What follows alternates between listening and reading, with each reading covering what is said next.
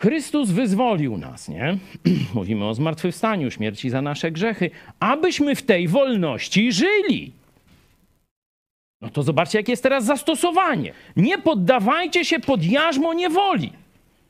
Żadnej niewoli. Ani grzechu, ani ludzi. Zobaczcie w liście do Koryntian, zaraz o tym mówi. Drogoście kupieni, nie stawajcie się niewolnikami ludzi. Zmartwychwstanie, śmierć wcześniej Chrystusa na krzyżu, drogoście kupieni. Nie wolno wam się stać niewolnikami tyranów żadnych.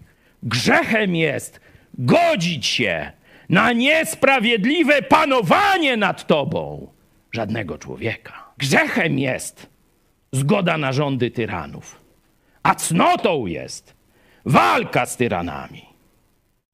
Gdzieście to w Polsce słyszeli? W którym kościele? Dlatego Polacy są narodem feudalnym dalej, katokomunistycznym. Państwo biurokracji albo biurwokracji, bo to jest prawidłowa nazwa katokomuny, którą mamy w Polsce. Dlaczego? Bo nie ma kościołów, a w tych kościołach nie mówi się Bożej prawdy o wolności. Kiedy Polska będzie wolna?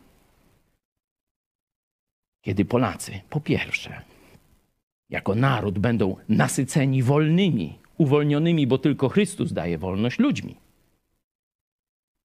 A potem ci ludzie zastosują naukę apostolską w wymiarze państwowym.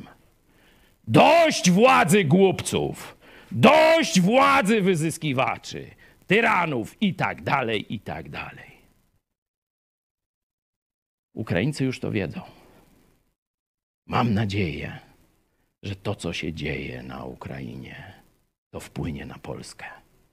Że i my zapragniemy nowego państwa, prawdziwie chrześcijańskiego, prawdziwie wolnego, a nie jakiejś popierdółki